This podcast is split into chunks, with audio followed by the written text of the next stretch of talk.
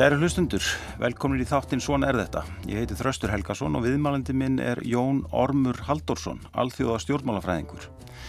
Jón Ormur hefur að undaförnum byrt nokkrar greinar í kjarnanum þar sem hann hefur fjallað um þá deglu sem alþjóðamál eru í um þessar mundir. Kína og Indland koma þar við sögu en líka Rúsland, Tyrkland og Íran sem Jón Ormur segir að leiti sér öll olbúa rýmis í heiminum. Þískaland kemur við sögu, Evrópa og Bandaríkinn.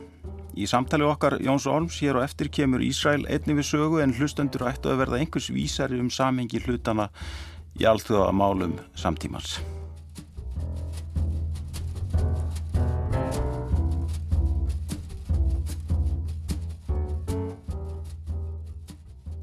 Jón Ormur, velkomin við þáttinn. Takk fyrir það.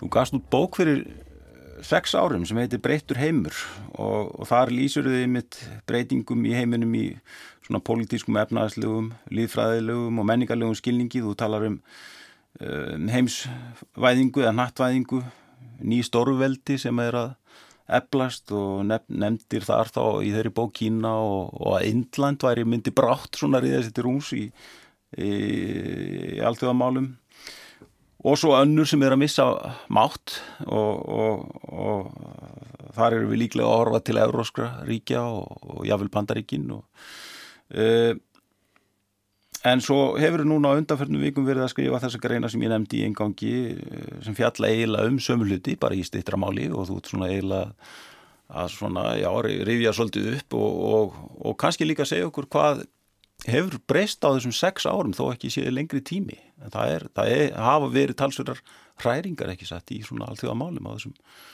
á þessum síðust árum. Jú, þar hafa verið miklar og, og þarna undan þegar ég var að skrifa þessa bók þá held ég nú að kveikjana að þenni hafa verið sáað svo að um, ég tók eftir því að heimurinn hann hafi breyst gífurlega mikið. Án þess að það verið að sjá það fréttum mm. eða ég vil einstökum atbörðum Þannig að það er þetta eðli frétta að skýra frá atbyrðum og þannig að að mér fannst vera vannmetið, tók bara til ferðalögum mínum um heiminn, samtöl við fólk við sem eru um heiminn og læstri bóka sem eru upprunnar sinni í ólíkum svæðum heimsins, hvað er unni hafa verið stórkostlega breyting á 20-30 árum á, á veröldinni. Já. Og þetta fannst mér að vera vannmetið og menn áttuði sig ekki á samhenginu í þessu og það var það sem ég var að reyna að setja upp í þessari bók. Mm. Síðan þá hefur ímislega gerst en það er ekkert gest sem að kemur stórkostlega óvart með það upplegg sem ég var með þeirri bók. Mm. Það er kannski helst eitt sem að valdi mér kannski ákveðnum ombriðum og það er það að hlutir hafa gerst hraðar í bjóst við í Kína. Já, eh, Þannig að eh, núverandi valdhafar hafa haft miðstjórnastefnu bæðið gafkvært flokkunum og valdi flokksins yfir ríkin og síðan valdi ríkisins yfir efnahagslífinu síðan sá ekki alveg fyrir að myndi þróast með þeim hætti en það hefur viðtækar breytingar í förmið sér og sömulegis að það hefur verið miklu meirið að meðal eins í bókinni talaði mikið um var skorturinn á kíniversklu utaríkistefnu mm. sem var þá fyrir hendi og maður kom að nátt stórlega óvart hvað Kína var sendað bregðast við alls konar stórum málum ynga á þangum heiminn hvað hagsmunagenslegar virtist vera tiltalega klauvaleg og oft í litlu samingi við það sem har áleitt langtíma hagsmunur ríkisins En það átti síðan skýringa sem ég tala um, um þar en síðan hefur þetta breyst þannig að Kína, auðvitaðrikistefna Kína hefur orðið miklu, miklu harðari heldur nú var. Maður bjóð svo sem við að það myndi gerast við fyllingu tímans en ekki sér hratt og það gerist. Hvað með uh, uppgang populisma og þjóðurnispopulisma og færbreyting og svo þetta Trump líka? Já, að, hérna, Trump er náttúrulega sko... Ekki kannski fyrir séð? Trump er heila djókarinn í spilakassanum sem breytti ímsum og ég kannski ekki komið aðeins að því og eftir en uh, það sem að um, kannski tóku það bara fyrst vegna það hangi sama við þetta mm. sko ég held að ástæðan fyrir uppgangi populism út um allan heim séu afleiðingar heimsvæðingar mm. uh, menn að vera bregðast við heimsvæðingun og áhrifum hennar með ólíkum hætt út um allan heim. En það er mjög víða reiki menn af eðlilegum ástæðum og skiljanlegum ástæðum til, eh, til hugsunar um pólitík sem hefur verið mjög einföld, mjög populísk, eh, miklu þrengri hagsmunagæsla heldur náðu var eh, mikil svona pyrringur og almennum hagsmunum mannkins þessi hafði til hliðsjónarfrekar heldur algjöru prívat hagsmunur einstakra landa eins og það, þau skinja og, og lítill skilningur á því að hvernig þetta hangir allt saman saman. En það er málið það flókið að það er rauninni mjög erfitt fyrir stjórnmálamenn að tala um þá, ég heldur, svo sem mismundu hvað ég skiljið mikið af þessu en það er mjög erfitt líka að koma þessu fram með þeim hætti að þessi sölulegu varningur í kostningabarótu, þessir hluti sem stiðja við ymsvæðinguna. Mm. Miklu auðveldar að bæta, benda á uh, óumdeilanlega vond áhrif en er það óþægilega áhrif eða áhrif sem ógunna einhverjum sem við sjáum út um allt. Og það held ég hefði lett til þessa populismu og ég held að sko Trump sé skilgetið afkvæmi uh, þessar þróunar. Sko, eh, við ætlum nú að halda okkur mest megnis við útlönd en, en sko en uh, hvað með eh, hérna, stöðu Íslands bara östuðt um, í þessum svona nýja heimi sem að þú, þú lýsir sko er hún ekki talsveit flóknari bara svona þínum að þetta í hérna, núna heldur hún var bara fyrir 30 árum síðan?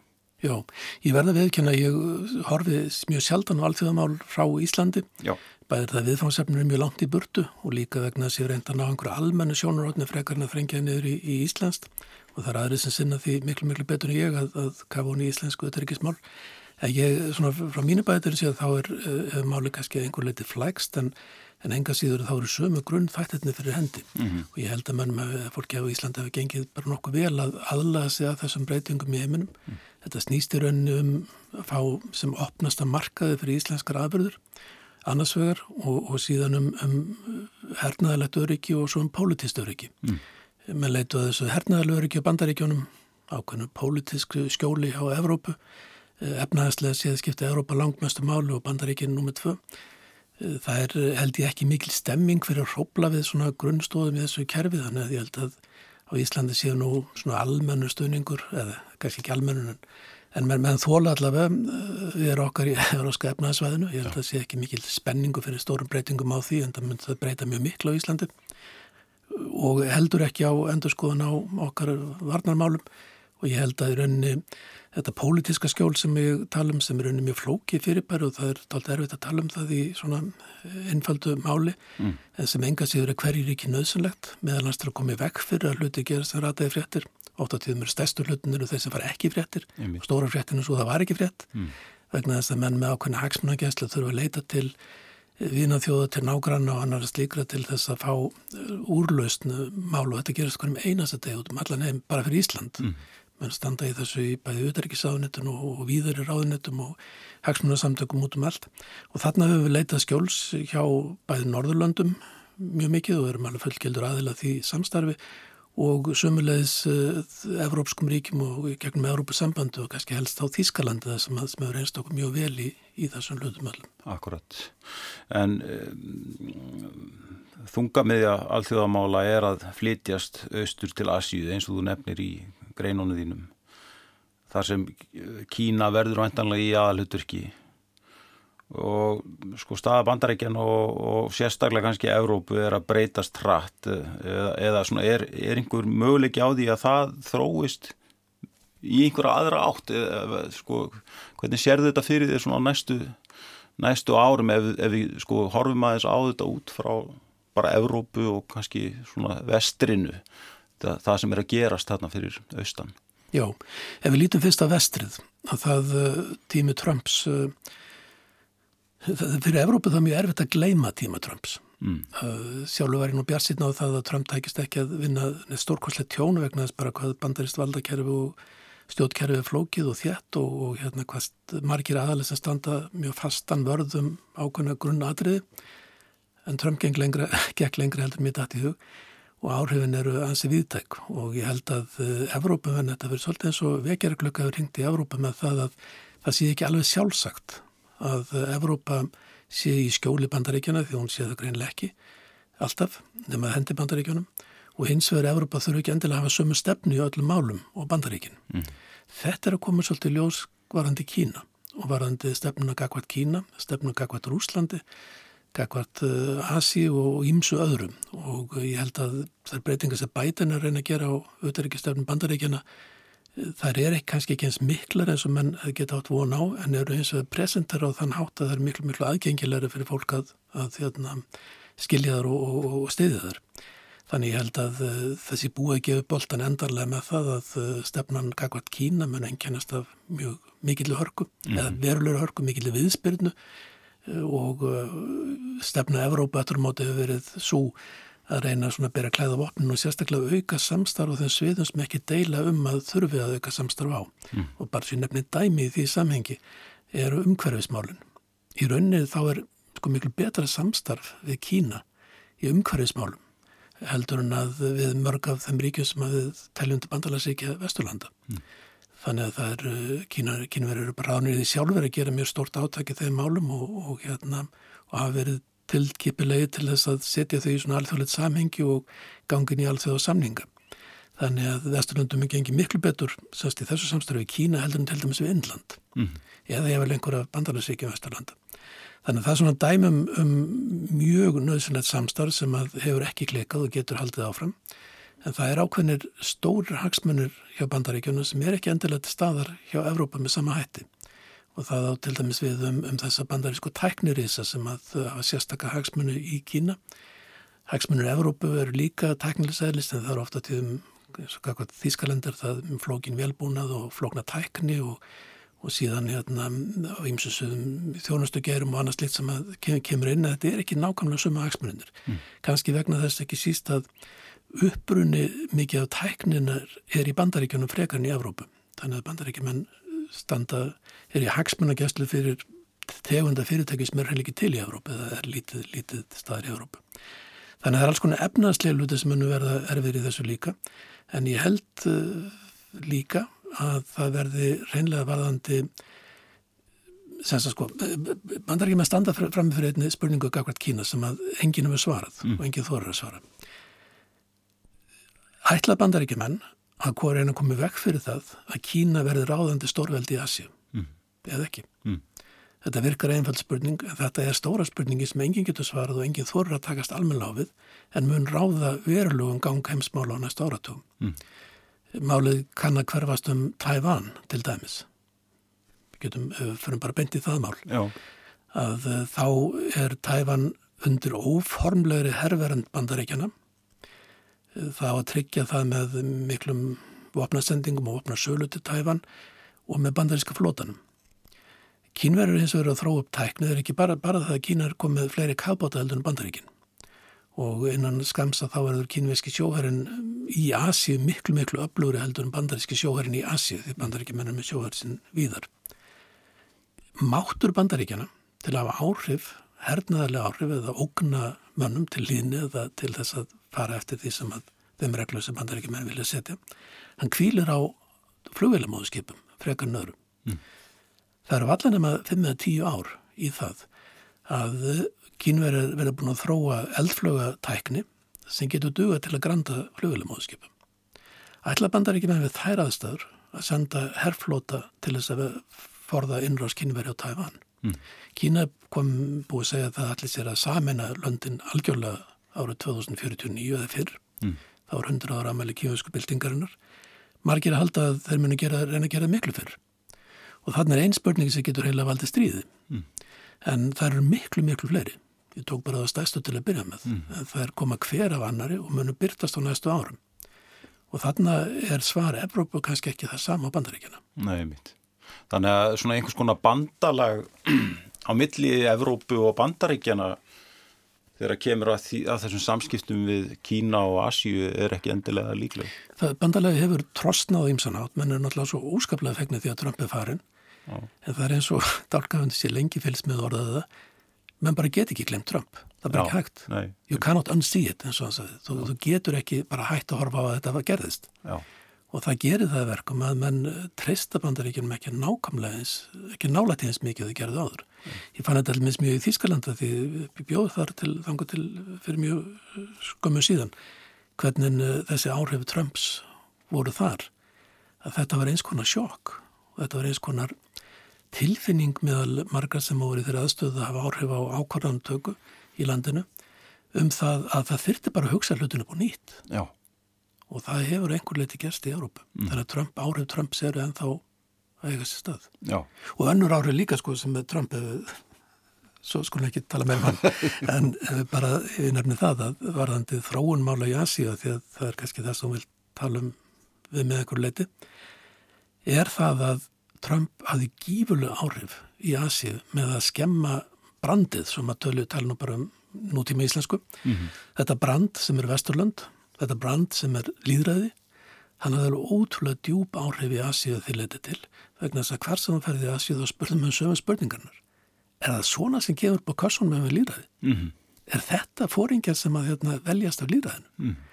Og litu ég vel að sína umdelduleitt og miklu jákvæður augum og eftir og sín umdeldu kerfi sem ég þetta nú skára heldur en það hafi bandaríkjónum því að ekki, ekki fáum við þó yfir okkur svona kólgalnamenn eins og Trump. Já, einmitt.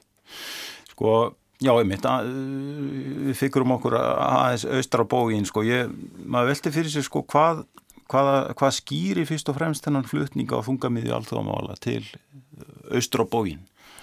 Það er tvent. Sko ef við lítum nú sögulega á hlutina þá, þá er sá tími þegar Kína var ekki leiðandi ríki heiminum, ekki stærsta efnaðskerfi heimsins, hann um 200 ár. Frá cirka 1830 þegar að Breitland fór fram á Kína eh, til eh, ja, 2020 og eitthvað þegar að Kína fyrir fram á bandaríkjunum. Þetta er ekki með 200 ára saga. 2000 árum þar á undan að Kína alltaf stæðst Já. og það var aðeins eitt ríki sem að það eru þetta að tala um ríki þessu samíkjögn þess að ríki skipan var nú allt allt öruvísi eitt svæði skulum við segja sem að eh, var eitthvað við hliðin á Kína og það var innlandskæði eh, Evrópa var útkjálki Amerika var ekki orðin partur af heimskerfinu þá mm. Þannig að það er í raun ekkit óeðlegt að þetta færist aftur í sama horfi eins og það var og það sem er sérstaklega uh, í því er þessi mannfjöldasprenging sem átti sér stað eftir stríðið og hefur staðið áfram þessi mannfjöldabilding eða hvað möguleg kallaða sem heldur áfram í Afríkun er stöðuð í Asíu. Hún er gert að verkum að fólkið er í Asíu. Ég, ég veit ekki hvort að fólk gerir sig grein fyrir því alveg en 60% allar íbúi heimsins eru Asíubúar. Þannig að við sem erum ekki Asíubúar, við erum minnilöti í heiminum. Mm -hmm. Og tvö stærstu ríki Asíu og ég kannski nota þetta áður í í hérna, útvarpi, ég byrði það afsökunar því ég verði endur að taka með en ef þú leggur saman íbúi fjölda Kína og Indlands, bara tveggja það eru 200 ríki heiminum, mm. bara þessi tvö ríki, það eru með sama hlutfall í íbúitölu heimsins eins og Reykjavík er með á Íslandi. Já, er mitt. Og menn skilja ekki Ísland mjög mikið að þið sleppa algjörlega á Reykjavík. Mm. Þannig að það er, það er ekkit óæðilegt að færist aftur yfir í þetta lang, lang, lang stærstur ríki heimsins að þau verði miðstöð valds og áhrifa í öllum mögulegu málum. Mm. Nýlendu tími var mjög sérstakur í þessu, það er með sko varandi Indlanda þá er það interessant uh, hugsað til þess að þegar breytar, vald breyta á Indlandi byrjaði að segja til sín þá er Indland stóðundi líklega 20% af allir yðnframlegslu heimsins. Þegar breytar fóru var Indland með 2%. Mm. Þannig að það var ekki nýlandu tímin, hann, hann brauð nýður, hann tengdi heiminn saman, hann brauð nýður samfélag og atvinnulíf og vestlunarkerfi út um allan heim. Þetta hefur síðan verið að ná sér, þannig að á eigin fórsendum hefur kynverjum tekist að lifta þessu ótrúlega grettistækja. Þeir eru núna, þegar maður tekur að kaupmáttar kvarða, lungu orðin stærsta hækjarfi heimsins mm -hmm. og verða innan fára ára, ég vil í dollaruntalið og stærri en bandaríkjum og stærsta hækjarfi veraldar og við getum alltaf fram að lýsa svo sem fyrirferð Kínaði því að það er meiri lötu af alls konar ráöfnum er notið í Kína, minni lötu notaður utan Kína. Indland hefur ekki gengið eins vegar lefnaðarslega, það hefur einangrað sig frá heimsviðskiptum og ekki gengið sömu leið á Kína. Þannig að það er gengið hægara þróunni þar en það er búið núna 1400 miljónir manna. Mm. Miklu, miklu fleiri heldur um búið samanlæði sko við allansaf, mm. við hérna, vestarmegin og austarmegin efsins. Þannig að um, þetta er allt saman að færast í rauninni það horf sem menn hefði átt að sjá fyrir mm. og það var þetta sem að rauninni var kveikjan kannski að þessari bókminni var það að ég tók að því það var ekki bara það að fólkið var annar staður á Östurlundum heldur var alltaf gerast alltaf mikið í atvinnulífi, tækni, pólitík og allt það utan Vesturlanda líka mm. og það er svona heimur síns á hilla undir sem að var kveikjan að því að skrifaði bókina og um, og það, og það bara heldur áfram og eins og segja meiri ræða heldur í albjóðstöð Já, sko, maður velti fyrir sér ef við skoðum aðeins þá sko bara uh, pólitíkina eða, eða eiginlega kannski bara hugarfarið. Hvernig, hvernig það mun breytast sko, þegar ef, ef að sko ef að, að þungamiðjan einhvern veginn flist austur til Asíu og það sem er eins og þú nefnir annað stjórnarfar oft á tíðum uh, og annað hugarfar. Uh, munum við fara að sjá sem sé svona annað hugarfar uh, í samskiptum þjóða með, með svona þessum breytingum sem þú ert að lýsa með mun til dæmis bara eins og þessi skadi sem kannski Trump vann líðræðinu, mun, þú veist, er, er við að fara að sjá annars konar líðræði eða einhver, einhverjar aðrar útgáfur af Já, því hvernig Sko það, það má bæði taka þetta mjög, mjög flókið og abstrakt Já. við ætla ekki reyna, reyna það í útverfinu menn hafa talað um fræðilega séð um enda nútímans um enda hins eina nútíma það er að vesturlega nútíminn sem við tölum um, þau tölum modernity eða, eða nútíman í heiminum þá er það í rauninu vesturland sem við tala um Akkurat. Í rauninni sér maður í endan á því. Bara lítið dæmi til dæmis. Indverjar þeir hlust ekki að vestrunum tónlist. Þeir, eh, þeir tekki ekki nöfnun og frægasta fólkin í Hollywood vegna þess að horfur enginn á bandaríska bíómyndir á Indlandi. Mm. og það er ekki að að séu bannar, það er bara enginn áhugaðum svipaður hluti getur maður nefnt svona anekdótali út um allt í Asíu. En það sem að við ekkur aðtegli minna til dæmis að það, það, það er eitt fræðmann sem fylgst lengi með og tengdist á hvernig átt og löngu síðan í Singapúr sem að orðaði þetta þannig um daginn að hann sagði að megin miskilningur, eða það var einn grundvallar miskilningur sem ennþá væri ráðandi skilningur á Vesturlöndum mm. og það væri svo miskilningur að ríkin í Asíu sem væri núna í þessum öra vexti að þau hefðu áhuga því að verða eins og Vesturlönd þetta bara er ekki þannig. Nei, akkurat. það bara er ekki lengur þannig það var þannig en ekki lengur þannig að menn eru búin að koma áhuga uh, búin að sagt, leita freka til sinna eigin menningaróta og og allt það og það skal tekið fram með sumt að þessi. Þegar ég er í Asíu sjálfur þá er ég rífast um svona hluti við, við fólk vegna þess að ég bendiði maður að reyna að benda á það að, að þetta er ákveðin svona hendurleika stefna hjá stjótvöldum sem segir það þegið ekki að lusta útlendinga, lustið okkur, okkar menningu, okkar sögu og allt það og margar austarann ríkistjóðunum í uppgóð teknar af því að búa til upp á nýtt sögu sína. Sérstaklega á brendi Kína en líka viður annar staðar. Og það er þessi, þetta er náttúrulega kemur stjórnvaldum mjög vel. Það geta sagt, uh, Asíumenn er ekkit fyrir líðræði. Asísk gildi eru bara þann hátt að við þurfum að gera þetta öðruvísi. Þetta er bara alltaf hendut fyrir ráðamenntilis að sko maður takja það á eins og það er sagt. Mm. En það er samt einhvað síður, er það greinilegt að áhuga leysi á Vesturlandu, Vesturlunum fyrirmyndum, er farið að gera mjög vart við sig út um alla Asíu. Og þá bæði við að líðræðu og þá tekið Trump aftur sem dæmið sem nefndi, nefndi áðan með, með hvernig hann hefur skemmt brandið og svo má segja. Kínveri benda til þess á að líti á það hvernig við veljum fólk til fórustu. Það fer upp í gegnum kommunistaflokkin og það þarf mikið þregverki til að komast í gegnum allar það síur og öllu kerfið sem það er í gangi til þess að rýsa til þeirra ábyrðar ef það gerður að dildastjóri er áðunett eða embætsmenni þarna eða, eða hvernig það er. Mm -hmm. Þetta er allt saman handvalið auðvitað mikið spillingi kerfin og allt það en hún er sennilega farið mingandi En á bakveita þó er svo hugsun að þeir sem að vita mest, geta mest, þeir eru á það. Mm. Þetta er ekki vestræn hugsun. Mm -hmm. Við höfum alltaf afstöðu til politík heldur, en þessa. En þetta í, í þessum bæði konfúsíska heim í Kína og ég tekið líka víðar utan Kína, að þá gera mann mikið með þetta. Um að það sé til betri aðferð við að velja leðtóa heldur en þessi aðferð sem hefur komið Vesturlundum í rauninu svo illa. Mm -hmm og það er eitt tema sem að sér eiginlega allstaðar í, í Asíu sem fólk fylgist það með að svona, því manni finnist svona óþægilegri fascination mm. og það er hnignun Vesturlanda. Mm -hmm. Kínverð stjórnvöldur er sífælt að tala um þetta um það að Vesturland séu hnignandi staður og menni ekki taka neina leiðbynningar þaðan og svo framvegs en aftur kemur að þessum hendurleikum þessar ráðamanna að það er betra fyrir þá að benda á útlendinga séu ekki til að herrmettir heldur skulum við hafa þetta bara heima hjá okkur eins og við viljum hafa það maður þarf raunir ekki að fara langt til þess að sjá slíka hendurleika byrtast í stjórnmálum að við hefum ekki að lusta útlendinga og allt það og við hefum bara að gera þetta sjálfa okkar í menningarlegu fórsendum. En þarna er þetta svona á styrum mm. og miklu alvarlega tægi heldur við sjáum við sem populism á í Evrópu. Mm. Einmitt. Þú segir í einnig grein að tiltrú sé mikilvægast ekki aldmiðil allþjóða stjórnmála og, og Vesturlönd hafðu tiltrú En, en hafa svo kannski mistana líka svolítið og þú nefnum til dæmis bara Írak innrásina í bandarækjumönnum og sjálfsagt hefur Trump líka hérna, haft einhver áhrif þarna. En sko, ef maður velti fyrir sér Kína og, og sko Kína hefur að minnskosti ekki tiltrú estræðna þjóða og, og jáfnvel ekki allra nágranna sinna og kannski fæstra sko hvernig eh, mun Kína haga sínu málum til þess að ná meiri áhrifum alþjóðlega? Þetta er nákvæmlega rétt aðtóðið höður að, að þjóðna, sko Vesturlund hafa byggt í rauninni eða veldi bandaríkin hefur ekki byggst endilega fjöldaði flugur, móðskip og skreitarika og herrdeildar sem geta sendt hinga og þangað um heiminn, geta rætt ríki og einræðsherra með þeim hætti en valdið hefur verið miklu viðtækar þetta stundum tala um þetta sem soft power líka mm. það er þessi menningarlega uh, tilvísun sem að ég var reynað að útskýra er kannski fær mingandi en svo þess að tiltrú með þarna síðan alvöru fólk á ferðinni, fólk sem hefur eitthvað bakvið sig, fólk sem hefur grunn til að standa og fólk sem hefur vald og peninga og allt það. Gagvært Kína er þetta ekki fyrir hendi.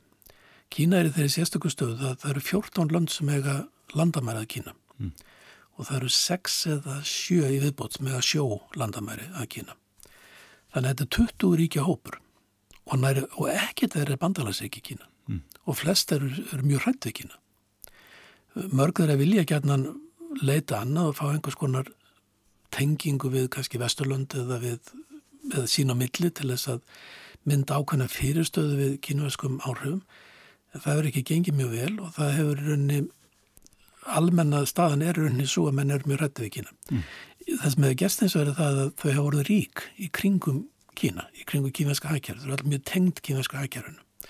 Þannig að það skiptir máli þessu. En það sem er að gerast í svona þessum varandast að viðspyrnu er það að uh, meðal hans uh, raun undir fórustu bandaríkjana sem skipta sig enn af málum þarna hafa eins og Japan og Indland svona opnað á aukið samstarf hugsanlega Suðu Kórea þó þessi er erfitt út af Japan því það er mjög erfitt samstarf á milli Ástralja, Nýjasjáland fleiri ríki hafa svona verið tilkipileg til þess að mynda í seg ekki blokka móti Kína en að veita ákveði viðnám það hins var í þessum samtökum Suðustur Asíðu þjóða sem skipta mjög mjög máli í þessu samhengi að þar eru kínverðir raunin með fest sæti því að þeir eiga Kambótið Kambótið er bara greiðir atkvæðs og Kína vill og ekki atkvæði því það er af neitunumvaldi og öllum hlutum.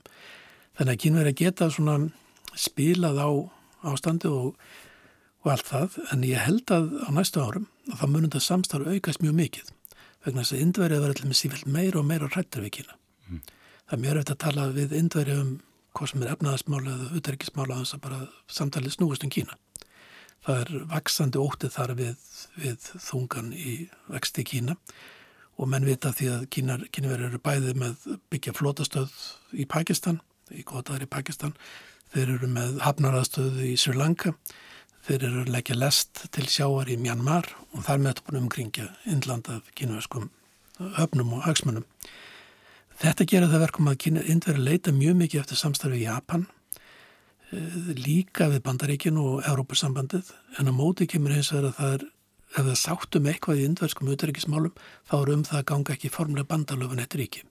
Þetta er bara kennisetning sem er mjög erfitt að breyta á. Índlandi. Mm. Þannig Índland verður alltaf frekar trekt í taumi og hugmyndi bandaríkjunum eitthvað náið bandalag við Índland gegn Kína eru ekki mjög raunhefar, mínu viti. Mm. En, en þetta er, eins og segir, veikleiki Kína er annars vegar það að þeir hafi ekki þetta apíl, þeir hafi ekki þessa, þeir hafði ekki eins mikið til fólks út um heim eins og bandarík, bandaríkjunum Vesturlund gera með sinni menningu og svo þetta hitt að þeir eru umkryndir nágrunum sem eru tortriðgnir í bestafalli mm. uh, jável ofinvettir í öðrum tilvíkum og svo framvegs. Leiðin sem kynveri hafa farið undanförni í þeim efnum það eina einað með leiðum er að ebla samstarfið Rúsland og þetta er skiptur rúsa miklu málu og skiptir kynveri í augnablikinu mjög miklu málu líka.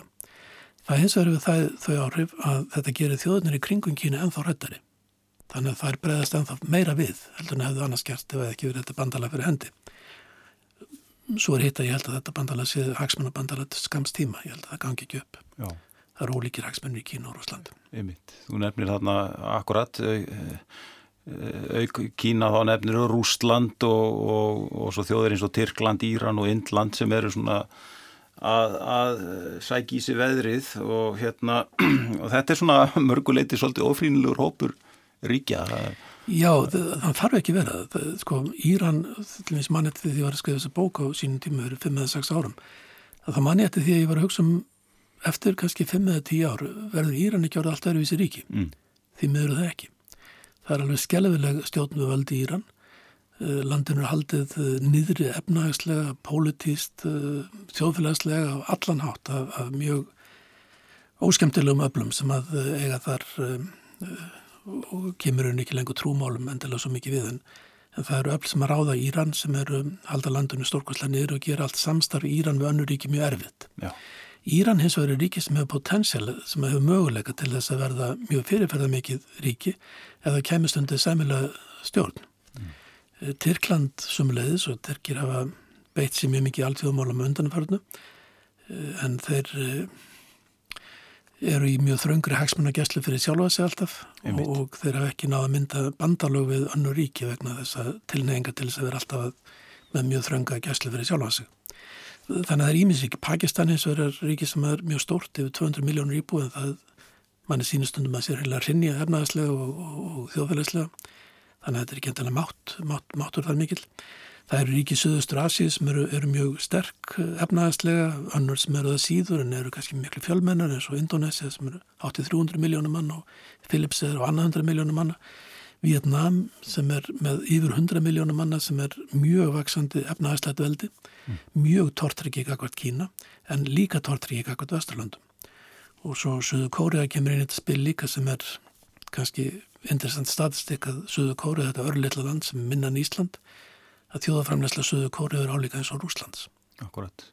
Þú segir að Indland til leikil ríki í þessu, þessari heimsmynd sem við erum að draga upp þarna. Hvað getur þú útskýrt að? Í... Já, ég, ég myndi ganga svo langt að taka undir það sem eitt fræðumöður orðaða þannig að hann saði spurningin um Indland, ef þú svara spurningun um Indland þá ertu búin að svara spurningun um það hvort að Kína verður heimsveldi eða svæðisbundu stórveldi. Mm.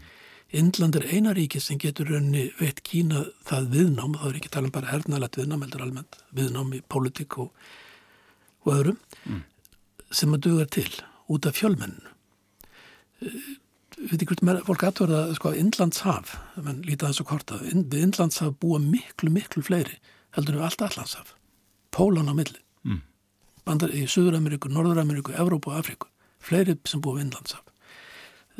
Heimspolitiki mun talsvöld hverfa sem innlandshaf á næstu áratugum mm.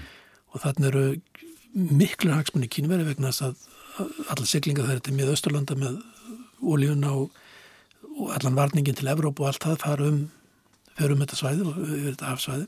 Þannig að kínveri er eiga mjög mikla hagsmunni þar. En indur eru mjög staðráðnir í því að gæta sinna eigin hagsmunna þarna. Þannig að það getur komið til alls konar keppni og ég vil átaka á, á þessu svæði. Og, og þess vegna held ég að Indland sé raun líkillina því að hvort að Kína verður nær því að verða ótröflað eða rís eða stækkun Kína eða vaksandi vald Kína það er eiginlega ekkert sem setur í eins mikla skorður eins og það þurfa sífælt að hugsa um þetta rísaríki við liðn á sér. Já, en það er ákveðin vandamál þar það ekki, það er svona veikt líðræði og, og, og þetta er eitt af þeim ríkjum heim sem að mengar hvað mest og, og þetta er uh, ótrúlega ríki og, og hérna raunir maður reynir að tala um innlanda það er bara fljótur að gleyma sig því að þetta er svo gessamlega ótrúlega fyrirbæri þetta líki. Þetta er ekki bara 1400 miljónum manna heldur þetta er samsett úr mjög ólíkum hópum sem að ólíkum þjóðum í rauninni sem tala ger ólík tungumál með ólík leturkerfi.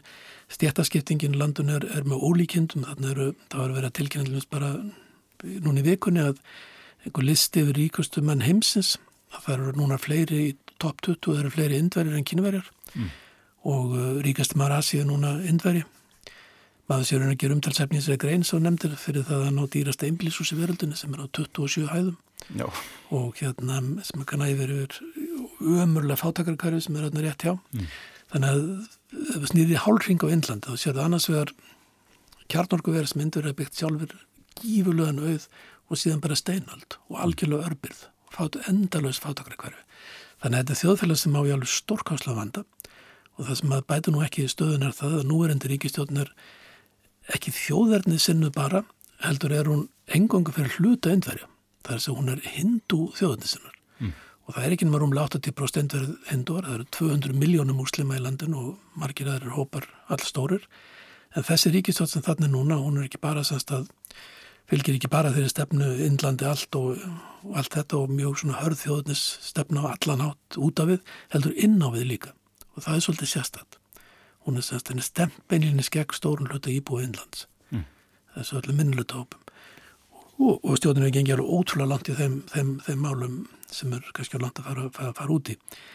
En þetta gerir það verkum með innland er eitthvað ríki sem að er mjög erfitt að átta að sjá hvernig munu þróast og ég veit að margir mun eftir því bara að sjá sjóhansmyndir frá innland á tímum COVID sem fólk var að deyja í hrönnum og, og það var ekki að brenna allt fólki sem, sem, sem dó og, og, hérna, og í allir þessari óhemjulegu mannmerð sem er á innlandi þá það er svolítið erfitt að rekna þetta út hvernig þetta mun, mun þróast. Einmitt. Örstu, sko uh, nefnum þarna umhverfismál uh, sko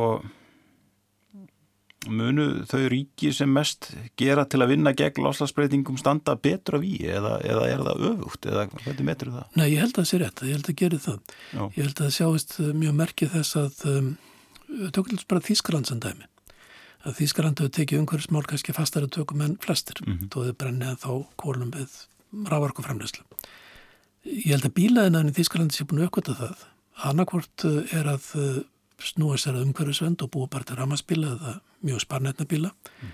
eða þá bara verðin svo Detroit bara degja brotnið sínum eftir hafi ekki náðust að þróa, þróa sinn í framtíðina.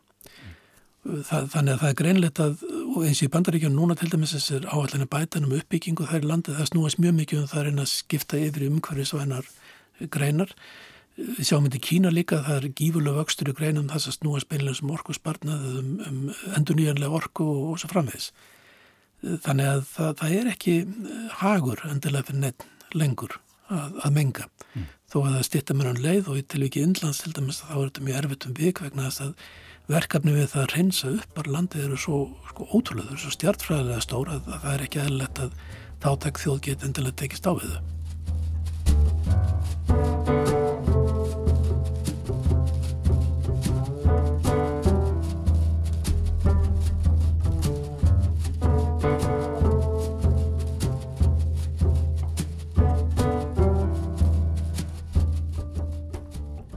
Kæri hlustundur, ég heiti Þröstur Helgarsson og þið eru að hlusta á þáttinn Svona er þetta. Gestum minna þessu sinni er Jón Ormur Haldórsson, alþjóða stjórnmálafræðingur. Í þessum þáttum hefur við rættið forunirett fólk úr ímsum kifum samfélagsins um reynslu þess og viðhorf. Albert Jónsson, fyrirrandi sendiherra, rættu um stöðu Íslands í alþjóðakerfinu. Hægt er að hlusta á Svona er þetta í spilar rúf og í öllum helstu hlaðarps veitum.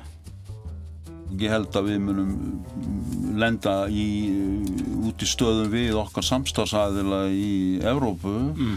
þegar í ljós kemur að það er miklu erfiðra fyrir okkur að, að ná árangri í, eða varðandi það að mika losum gróðurlósaloftegunda heldur en þau vegna þess að við erum búin að ná miklu lengra í endur nýjanlegri orku.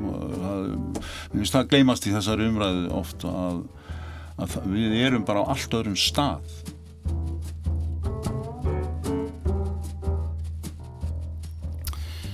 Jón Ormur aðeins, aðeins til Evrópu og, og kannski uh, spurningur um það hva, hva, hvaða máli hún skiptir eiginlega í þessum alltíða málum á næstinu og þú skrifa nú eina grein um Þískaland og pólitíkina þar og svona í framhaldið umræðinu um umhverfismál og þá talar um að bendur á að, að græningjar standi besta við þar fyrir kostningarnar og þú er svona frekar eiginlega uh, uh, svona bjart sín á að þeir vinni kostningarnar og, og það myndir nú vantanlega breyta ímsu ef þeir kemst til valda eða hvað Já, samkvæmt skoðanakonum þá eru þeir efstir Já. en það er rétt að hafa í huga að þetta er ekki fyrsta skitt sem það gerist mm. þeir hafa, hafa farið mjög hátt í skoðanakonum á síðustu 20-30 árum án þess að ná völdum án þess að uh, uppskera eins og skoðanakonum segja tilum En einhvern veginn eh, ástæðan fyrir ég svona, er ekki beinleins að spáða þessu en, en mér finnst þetta líklegt. Mm. Er ekki bara að kannanir heldur einhvern tilfinning síðan fyrir því að þjóður eru sér tilbúinir í eitthvað nýtt. Þessi þið viljið ferska vinda, þið viljið endur hugsa ákveðin mál, þið sjáu það er á krosskotum ímsum efnum og þið viljið eftir þessa mjög friðsömu tíma merkal það sem að um, málur kannski ekki endilega leist, heldur svona láting gufu upp, gufu upp frekarna að vera tekið mjög fast á þeim. Já að þá vilji fólk um, svolítið aðra áherslur og eitt af því er, og eitt meginadrið því er umhverfismál. Þannig að eitt af því sem græningir hafa gert til dæmis er það að þeir hafa rauninni fært til umræðuna mjög mikið. Þannig að nú orðið eru kristilegi demokrater myndi í flestum löndum vera mjög umhverfisinnaða flokkur. Sósjaldemokrater sem bara samfélkingi hér myndu þykja mjög umhverfisinnaða flokkur og hvoru þessar flokka var það fyrir 20 árum? Allavega miklu, miklu minna. Þannig að græningir hafi rauninu unnið umræðina nú þegar. Þeir þegar búinur að hafa grundvallar áhrif í þýskri pólitík hvað var það umhverfismál. Það sem er hitt sem er interessant með græningi er það að þeir eru ekki bundnir nefnum svona hugmyndafræðilegum böndum. Þeir eru í orðað þannig að þessi svona freka farangurslust fólk. Mm. Þeir hafa ekki úr fortíðinni einhverja bardaga sem að uh, eh, pólitíkinn snýrist um á 20. stöld. Þeir eru sína slikum výlinum mjög litla virðing og lítinn áhuga mm. og horfa frekar opið og bent á málinu úr löstan efnin. Þeir eru mjög harðir talsmenn opnunir í heiminum í rauninni þráttur áherslunum umhverfismáli eru þeir með fylgjandi heimsvæðingun og allir þeirra opnun sem henni fylgir viljið þess að takmarka náttúrulega áhrif allar þessar flutninga á, á hérna, umhverfið og þeir eru mjög harðir Evrópusinnar sem er nú ekki kannski sérstætt í Þýskalandi það er það heila allir flokkarnir flokkarnir keppast ótt að vera segjast að vera mestu Evrópusinnarnir mm. og þeir eru mjög ákveðnir í að tryggja réttindi alls konar minnulutu hópa alls konar hópa sem hafa verið í öðrum samfélag sem það átt erfitt. Þeir verið sinna flóttamönnum miklu betur heldur en að enn betur en gert hefur verið í, í, í Þískalandu og svo framvegis.